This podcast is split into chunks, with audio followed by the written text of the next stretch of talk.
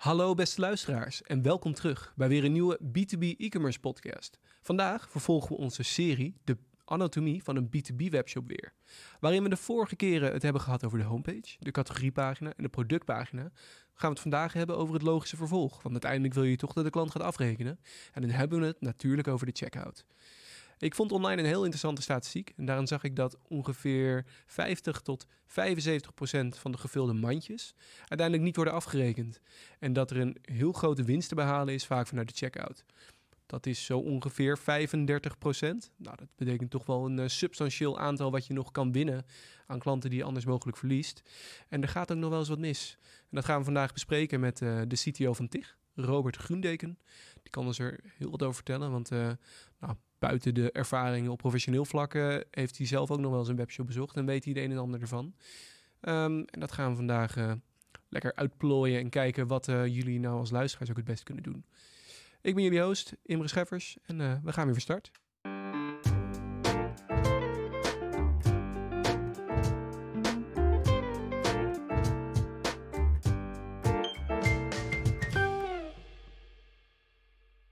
Daar zijn we weer, Robert. Ja, leuk.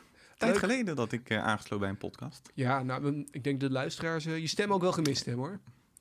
Fijne stem om naar te luisteren, dat meen ik oprecht. En uh, ik denk ook leuk, nu een iets andere setting. Dus nu kunnen mensen ook eens kijken van, nou, ik heb de stem gehoord. Maar wie is dit inderdaad? Ja, hoe ziet het eruit? Leuk, ja. camerabeeld. Ja, nee, spannend, denk ik. Of valt het nog wel mee? Nee, valt mee. Het is een professionele setting. het was al professioneel met al die microfoons, maar nu staan er ook nog camera's bij. Nou, we doen ons best. Want alles uh, voor een goede sessie. Uiteindelijk gaat het natuurlijk om de inhoud, maar dan moet uh, alles eromheen aan bijdragen. Dus goed om te horen. En dan maar gelijk over de inhoud te hebben. Uh, ik noemde het net, hè, de, de checkout kan best wel wat impact hebben uiteindelijk op je conversie. Klinkt eigenlijk heel logisch als je het erover hebt. Maar als ik al statistiekjes die we net erbij pak, dan lijkt dat een nog grotere impact te hebben. dus om daar dan eigenlijk mee te starten. Herken jij de problematiek en de gevaren en de dingen eromheen van een checkout? Nou ja, zeker. Ik, uh, ik hoorde die statistieken en jij vroeg, uh, is dit nou uh, extreem hoog of is dit nou, valt er nou op? En nee, ik vind het, het klopt wel aardig. We hebben natuurlijk zelf ervaringen, denk iedereen wel ondertussen ervaring met afrekenen in checkouts mm -hmm. en vooral de B2C kant, oftewel de, de particuliere kant. En daar, ja, daar zie je echt veel dingen terugkomen. Ehm, B2B is natuurlijk een heel ander verhaal. Volgens mij gaan we het daar straks ook nog even over hebben. Mm -hmm. Of heel uitgebreid over heel hebben. Uitgebreid. ja, het komt terloops ik wel zeker te sprake. Maar... Ja, ja, ja. Nou, ja, ja, je ziet natuurlijk al, om maar even een voorzetje te geven, dat er, er zijn verschillende soorten checkouts. Je hebt mensen die kiezen voor een, of webshops die kiezen voor één pagina. En anderen die kiezen voor uh, meerdere pagina's. En, maar je hebt ook verschillen in uh, of een klant voor de eerste keer gaat afrekenen of dat het een terugkerende klant is. Want die krijgen, ja, welke relatie heb je met die klant en dat geeft een andere be een beleving. Ja. Uh, ja, dus ik denk dat er genoeg over te spreken is. Ja, nou, om dan, dan gelijk daarvoor op in te zoomen. Want wat zijn dan veel gemaakte fouten die jij voorziet komen, of in ieder geval hebt voorzien komen vanuit een checkout? Vanuit checkout. Ja, als je dan vooral kijkt bij het psychologische aspect is afrekenen is pijn. Als mensen geld moeten betalen, dan mm -hmm. hebben ze pijn. En het tweede aspect is ook uh, vertrouwen. Dus uh, gaat dit goed komen? Ik bestel nu iets, ik heb er helemaal geen gevoel bij. Uh, ja. Ik ken dit bedrijf bijvoorbeeld niet voor nieuwe klanten. Gaat dit goed komen? Dus daar zijn echt punten waar je op kan inspelen. Door ja, vertrouwen uit te stralen in je checkout. En wat is dan vertrouwen uitstralen? Je kan bijvoorbeeld je support telefoonnummer erbij zetten. Laten zien dat je een bedrijf hebt, een locatie, een foto van een pand. Van ja. wij zitten hier. Als je vragen hebt, dan is er iemand die de telefoon opneemt. Ja. Uh, Voelt het niet gelijk als een, uh, een dropship bedrijfje dat dingen uit China haalt en eigenlijk geen uh, liability neemt. Nee, en dat, dat je ergens naartoe kan als, het, als je een vraag hebt. Dus ja. dat, dat, dat helpt ontzettend bij het, het vertrouwen te winnen. En ja, als je dan ook kijkt naar het conversieaspect dan uh, zie je echt dat het afrekenen, dat is een funnel, of een, een, een fuik waar naartoe gaat. Dus op het moment dat mensen op die afrekenpagina zitten, dan moet je ze geen afleiding geven. Dat is een, uh, een veelgemaakte fout. Dus uh, op het moment dat je op de afrekeningpagina komt, dan wil je eigenlijk alleen je logo in beeld en de velden die nodig zijn om het te kunnen afrekenen. Ja, ja oké, want dat is dan waarschijnlijk, ja, ik snap wat je bedoelt. Ik moet wel zeggen dat ik daar ook wel een frustratie-elementje vanuit mezelf herken. Dat ik soms wel denk, ik zit in die checkout, maar ik wil dit product er nog bij. En dan kan ik daar niet heen. Want dan moet ik weer helemaal terug naar die checkout. Ik heb het allemaal velden ingevoerd en blijven die wel staan? Dat is dan een Mhm. vraag die ik eh, mezelf stel. Van, is het het waard om nu terug te kijken of ik het nog wel nodig heb? Of inderdaad, wat je zegt, die twijfel. Want geld uitgeven doet pijn. Weet ik wel zeker dat dit een goede maat is? Moet ik niet toch nog even terug naar de productpagina om te kijken of hoe die maat valt? En ik dan bang ben om terug te gaan om het weer allemaal opnieuw te moeten doen. Ja, ja, ik kan me voorstellen. Ja, kijk, vanuit de, de merchant kant, waar wij eh, veel naar kijken, is natuurlijk eh, die funnel belangrijk. Eh, een beetje de, de regel is dat als je een, een, het logo van de, het bedrijf is wel zichtbaar en als je daarop klikt, ga je weer terug naar de webshop. Dat Ja. zie je al eh, voor bedrijven die het goed hebben geïmplementeerd of die het zo hebben geïmplementeerd. Dan is dat een beetje de regel. Ehm, ja, de, je moet wel zorgen, natuurlijk, dat is makkelijk te zeggen, van dat als mensen gegevens ingevuld hebben, dat die dan die even onthoudt. En dat kan volgens mij met de techniek van vandaag eh, eenvoudig. Ja, Dus als je dan eh, ja, mensen toch nog iets toe willen voegen, dat dat dan kan. Maar voor het conversieverhogende is het belangrijk om alle afleidingen ja. eruit te halen. Dus niet meer je menu tonen, niet meer winkelwagentje, geen opties geven om terug te komen, behalve door op het logo te klikken. ja oké. Nee, ik snap het inderdaad ook wel. Inderdaad, want als ik dan terug ga, dan ga ik misschien toch weer twijfelen. Misschien ga ik dan toch nog even vergelijken op een andere site. Of het toch niet goedkoper kan, of beter kan, of sneller kan. Ja. Dus wat dat betreft, ik snap het hele punt. Ik snap alleen ook dat er een stukje frustratie natuurlijk bij kan kijken. Maar oké, helder. En ehm, ja, wat, dat geldt dat dan ook voor cross- en upsell? Want ja, dat is natuurlijk vaak wel een best practice, hè, om die op een bepaalde wijze te doen. Wil je die ook in de checkout hebben? Is dat, is dat daar de juiste plek voor? Want als je zegt geen afleiding, dan wil je mensen ook niet in de twijfel brengen. Maar aan de andere kant wil je natuurlijk wel een upsell aanbieden om eh, voor een hoger bedrag te verkopen in plaats van wat je Ja. nu doet, waarschijnlijk ook een hogere marge pakt. Nee, eh, de, de checkout zou ik daar niet voor gebruiken. Ik zou de cross- en upsell, die kan je goed in je winkelwagen tonen. Dus de winkelwagen is een apart, eh, aparte pagina voor je checkout. Ja. Daar kan je aan cross- en upsell doen. Op het moment dat mensen van hun winkelwagen naar de checkout gaan, dus die stap daarvoor. Daar kan je iets tussen bouwen, pop-up vragen. eh. Ja, En eh, ja, meestal zie je ook van als mensen het product in een mandje doen. En dat ze dan een eh, ja, apart pop-up krijgen. Waarbij je dan zegt van nou, voor dit product is aan te raden of wordt ook dit vaak bijbesteld. Dus ik zou het niet meer in de checkout doen, maar in een stap ervoor of in de winkelwagen. oké, helder. Nee, dat lijkt me ja, logisch en goed om te zeggen. Ik hoorde het vorige keer al voorkomen bij Vincent. Die noemde het inderdaad productpagina. Moet je, kan je daar wel benoemen en goed over nadenken hoe je dat doet en personaliseer dat. Ik, weet, ik snap de logica erachter, vooral met het verhaal van je wil niet te veel afleiding hebben. En dan over afleiding gesproken, wat mij ook heel erg opvalt, en daar zie ik de laatste tijd wel een beetje een switch in. Er was een tijdje een trend om alle checkout-pagina's zo kort mogelijk te maken. Tegenwoordig zie ik ze weer wat langer worden. En met lang bedoel ik dan niet dat je te maken hebt met scrollen van, eh, van drie jaar, maar meer dat je soms ja, wat langer bezig bent dan een one-pager. Waarbij ik kort meer doe op een one-pager. En met de lange pagina's het meer heb over, ja, je hebt te maken met meerdere secties. Je gaat stap 1, 2, 3, 4, 5. Dat zie je steeds vaker.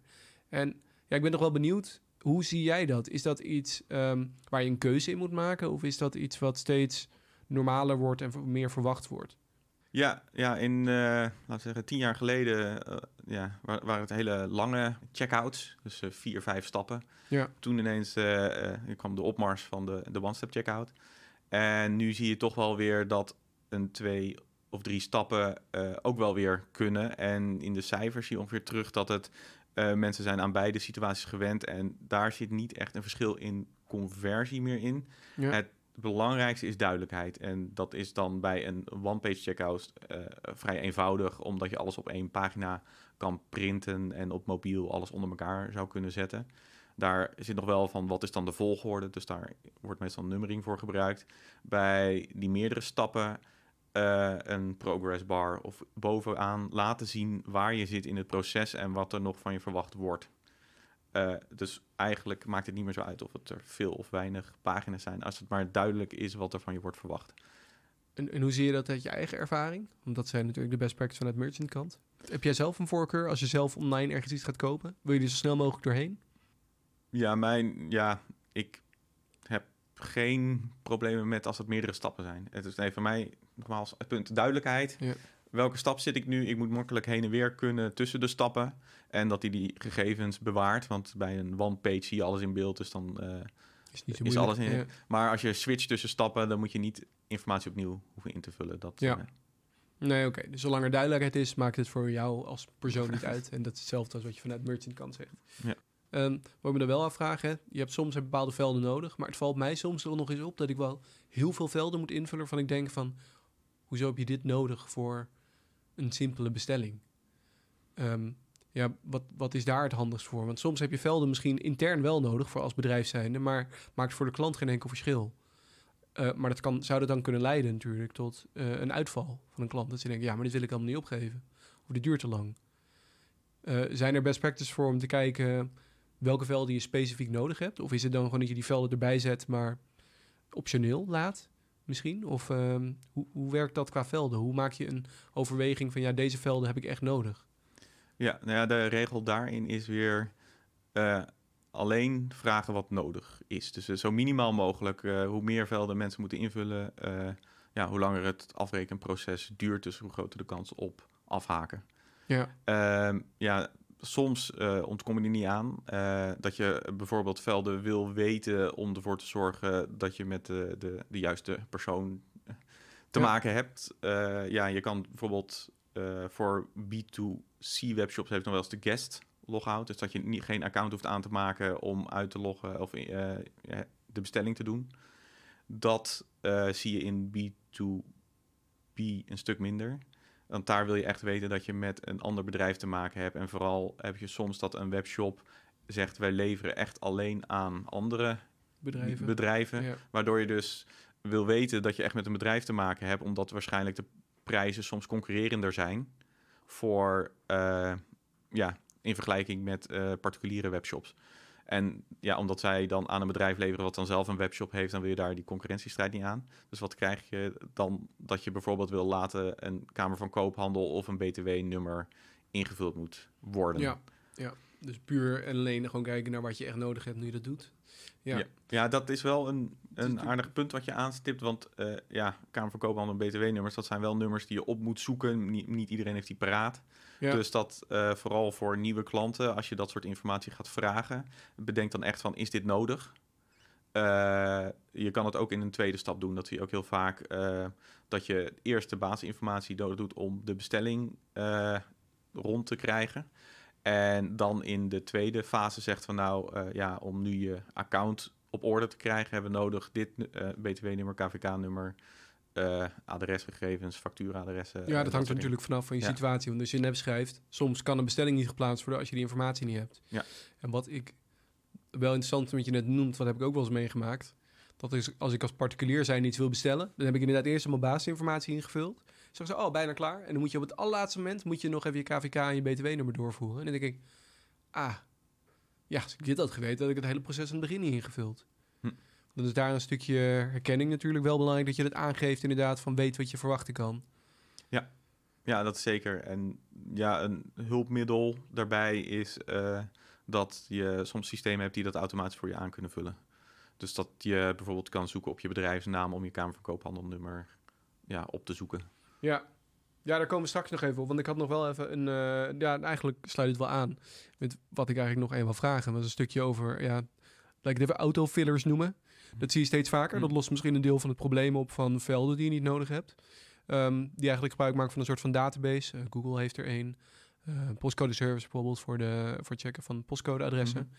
Ehm, is, dat, ja, is dat handig om te doen? Om daar gebruik van te maken, van dat soort zaken? Het kost natuurlijk soms wel geld. Dus hoe maak je de afweging in en of dat nodig is? I- Wanneer is dat een toegevoegde waarde voor jou?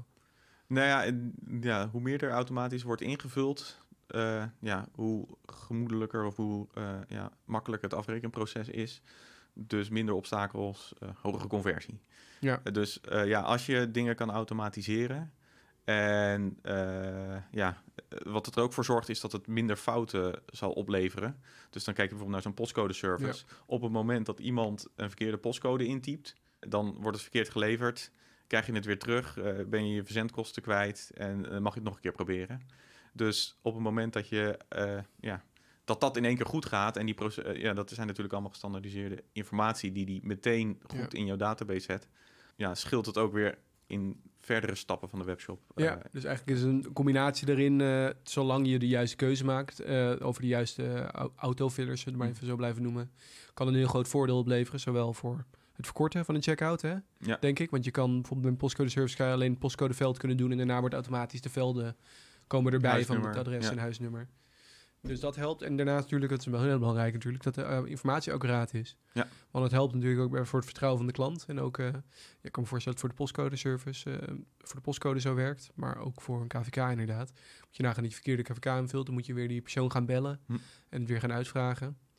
Ja, wij hebben ook die, eh, zo'n KVK-extensie dan die we vaak eh, gebruiken. Die hebben we zelf gemaakt. Waarbij dus als je het KVK-nummer invult, dan zegt hij het bedrijf wat eraan gekoppeld zit. Oké. En dat is meestal ook voor, eh, ja, voor de B2B is dat natuurlijk heel handig. Want dan, als je dan kan je meteen zien of het klopt met wat je hebt ingevuld. Oké, je noemde nu een aantal dingen al over B2B. Ik heb nog wel één vraag specifiek over B2C. Maar dat is meer een trend waar ik Hm. benieuwd ben of je die voort ziet gaan. Wat mij steeds meer opvalt, is dat ik ook steeds vaker een productpagina kan afrekenen. Dan hebben we het wel over de, vaak de wat grotere webshops, hè, de, de Amazons, de Bol.coms van deze wereld. Eh, waarin ik gewoon op productpagina één kan afrekenen, want mijn gegevens staan er al in of ze weten al wie ik ben. En ik hoef niet eens meer naar de checkout toe. Dat is op zich natuurlijk heel interessant. Het helpt heel erg, het kan heel snel. Dus is dat ook een trend die jij ja, voorziet dat het door blijft gaan ook naar de B2B? Of denk je dat voor B2B uiteindelijk je altijd wel een mate van een checkout nodig zal hebben?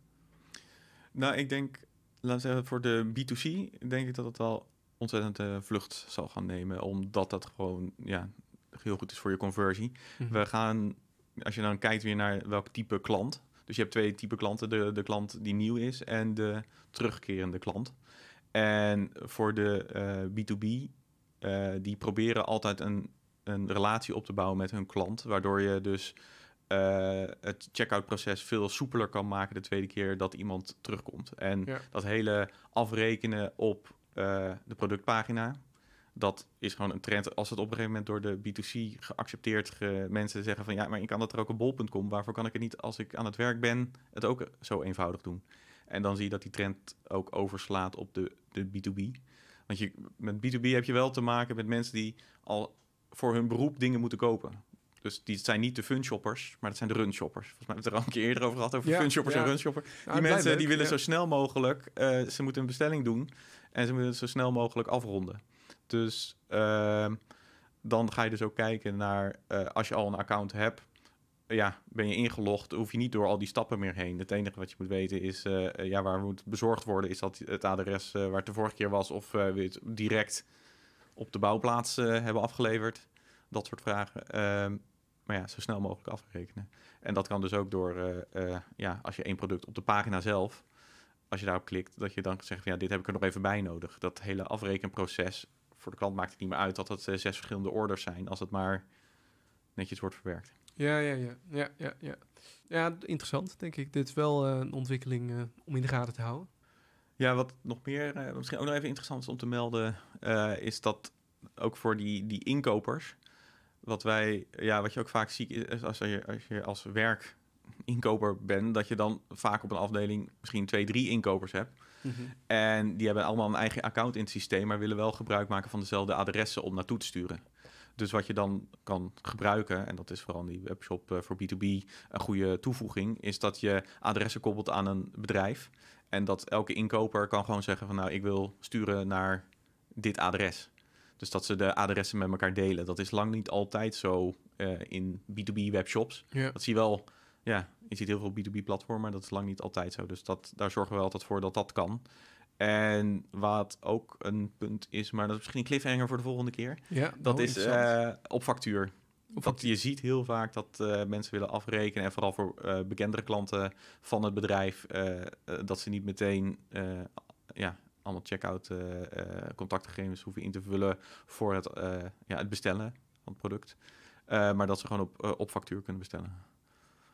Oké, ja, nou, mooi cliffhanger inderdaad. Want daar komen we de volgende keer heel specifiek op terug over alles over payment. Maar dat is natuurlijk ook een onderdeel hiervan. Want eh, wat we wel natuurlijk kort benoemen, is natuurlijk het laten zien van de betaalmethode. Dat is wel een toegevoegde waarde, denk ik, voor de checkout. Tenminste, dat is een aanname. Ja, ik zou het niet eens, eh, ja, niet eens specifiek eh, op de checkout, maar laat het al op je homepage zien wat je afrekenmethodes zijn. Op factuur is natuurlijk eh, ja, voor B2B, voor bekende klanten, eh, willen ze dat wel eh, graag aanbieden.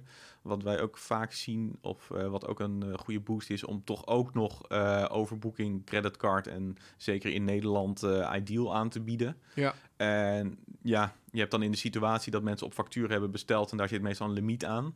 Dan zitten ze aan een limiet, maar hebben ze toch nog spullen nodig. Ja. En ja, omdat zij natuurlijk ook weer wachten op bestellingen of bedragen die zij weer van klanten krijgen, kunnen ze dan toch nog bestellen. Want dan wordt het niet tegengehouden omdat ze op hun factuurlimiet zitten. En dan bied je ze toch nog aan om nu meteen met Ideal te betalen. Dat ze dan toch nog de producten hebben. Ja, oké. Ja, nou dan gaan we inderdaad eh, de volgende keer Volgende keer gaan we uitgebreid op terugkomen. Interessant, inderdaad. Maar ik ben, je noemde nu, we hebben een paar keer al dingen van eh, B2B en B2C genoemd. Ik denk dat je al een paar duidelijke verschillen hebt genoemd. Eh, je noemde al de KVK, op betalen op factuur, er zitten al verschillen in. Eh, zijn er dan ook meer noemenswaardige verschillen te noemen, zeg maar, wat, waar je in een B2B checkout op moet letten ten opzichte van een B2C? Want ja, de voorbeelden die we nu al noemen, eh, komen natuurlijk ook voor een deel voort uit eh, onze eigen ervaring. Puur als je in Mhm. particulier een beetje bol.com, maar dat is niet B2B. Moet ik nou aan iets heel anders denken bij een B2B checkout? Nou, wat echt een no-go is, vind ik voor een B2B checkout, zijn kortingscodes. Ja, ik zou ze ook al eh, eh, niet bij de B2C heel duidelijk laten zien, want dat is weer die afleiding. Als jij in de checkout komt en je ziet het bedrag en eronder staat, eh, er is mogelijk korting als je even gaat Ja. eh, ben je weg. Dan ga je, ga, ga je googlen en dan ga je niet afrekenen. Dus als je heel duidelijk ziet dat die kortingscode er staat, dan eh, eh, ja, haak je af. Op het moment dat, er een, dat je een kortingscode hebt ergens gekregen, dan ga je op zoek in de checkout wel of dat er ergens zit. Dus dan kan het al iets verborgener zitten dan Ja. standaard. En ja, voor B2C, B2B is dat eigenlijk niet aan de orde. Wat je vaak ziet is eh mogelijkheid om niet af te rekenen, maar een offerte aan te vragen. Eh, waardoor mensen dus ook de mogelijkheid krijgen om te zeggen van nou, ik wil dit allemaal kopen. eh, is dit, wat is de beste prijs die je voor mij kan regelen? ja, we hebben het eerder gehad. Hè? Het, verschilt natuurlijk wat je nodig hebt voor lange of korte checkout, zolang er maar duidelijkheid is. Bij een B2B heb je vaak wel te maken met een wat langere checkout, denk ik, hè? überhaupt. Nou Ja, er zijn wel wat eh, extra velden die in de B2B-checkout eh, mensen fijn vinden. Bijvoorbeeld orderreferentie. Dat is maar één van die Mhm. voorbeelden, zit er niet altijd standaard in. En mensen willen toch hun eigen orderreferentie ook opslaan bij de order die ze bestellen. Want dan is het ja, Ja. twee keer zo makkelijk voor een administratie om die order te verwerken.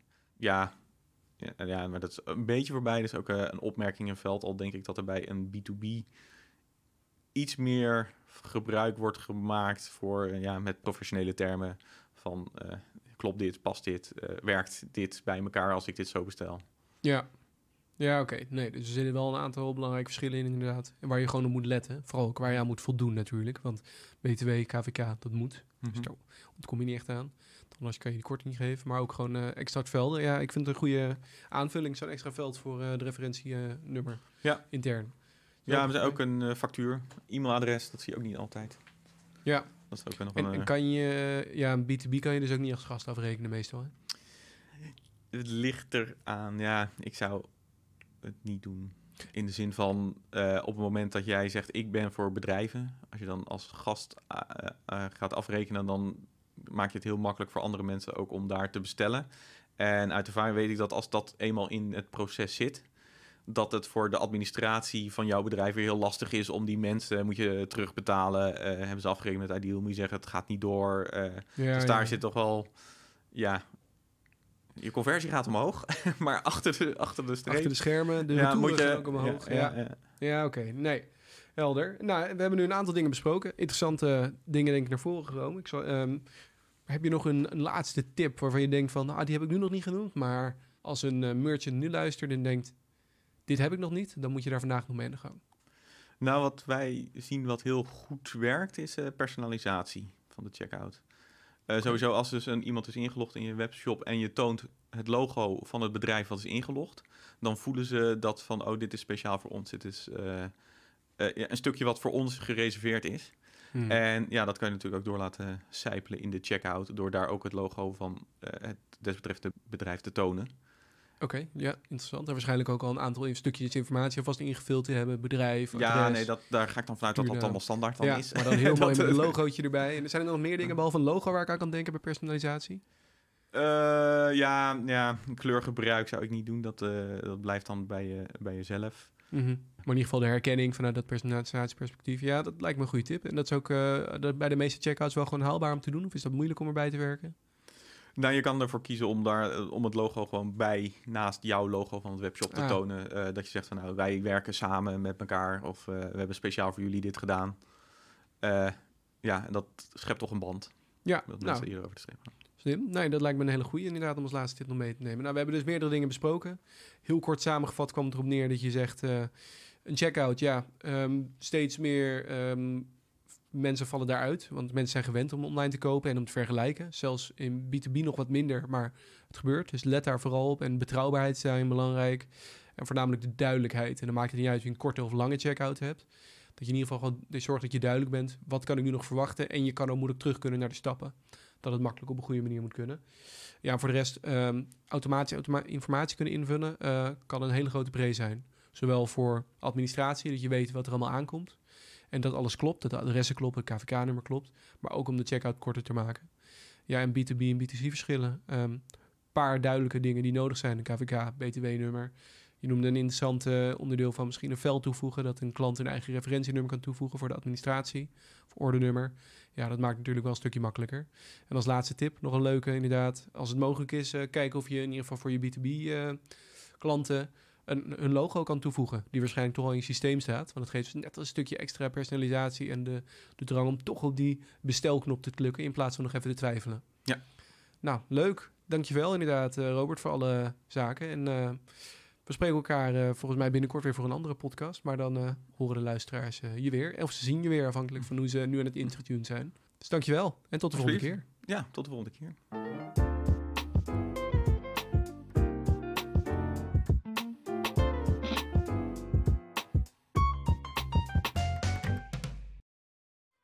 Nou, dus de eerste keer een intro in één keer zo lang goed ging.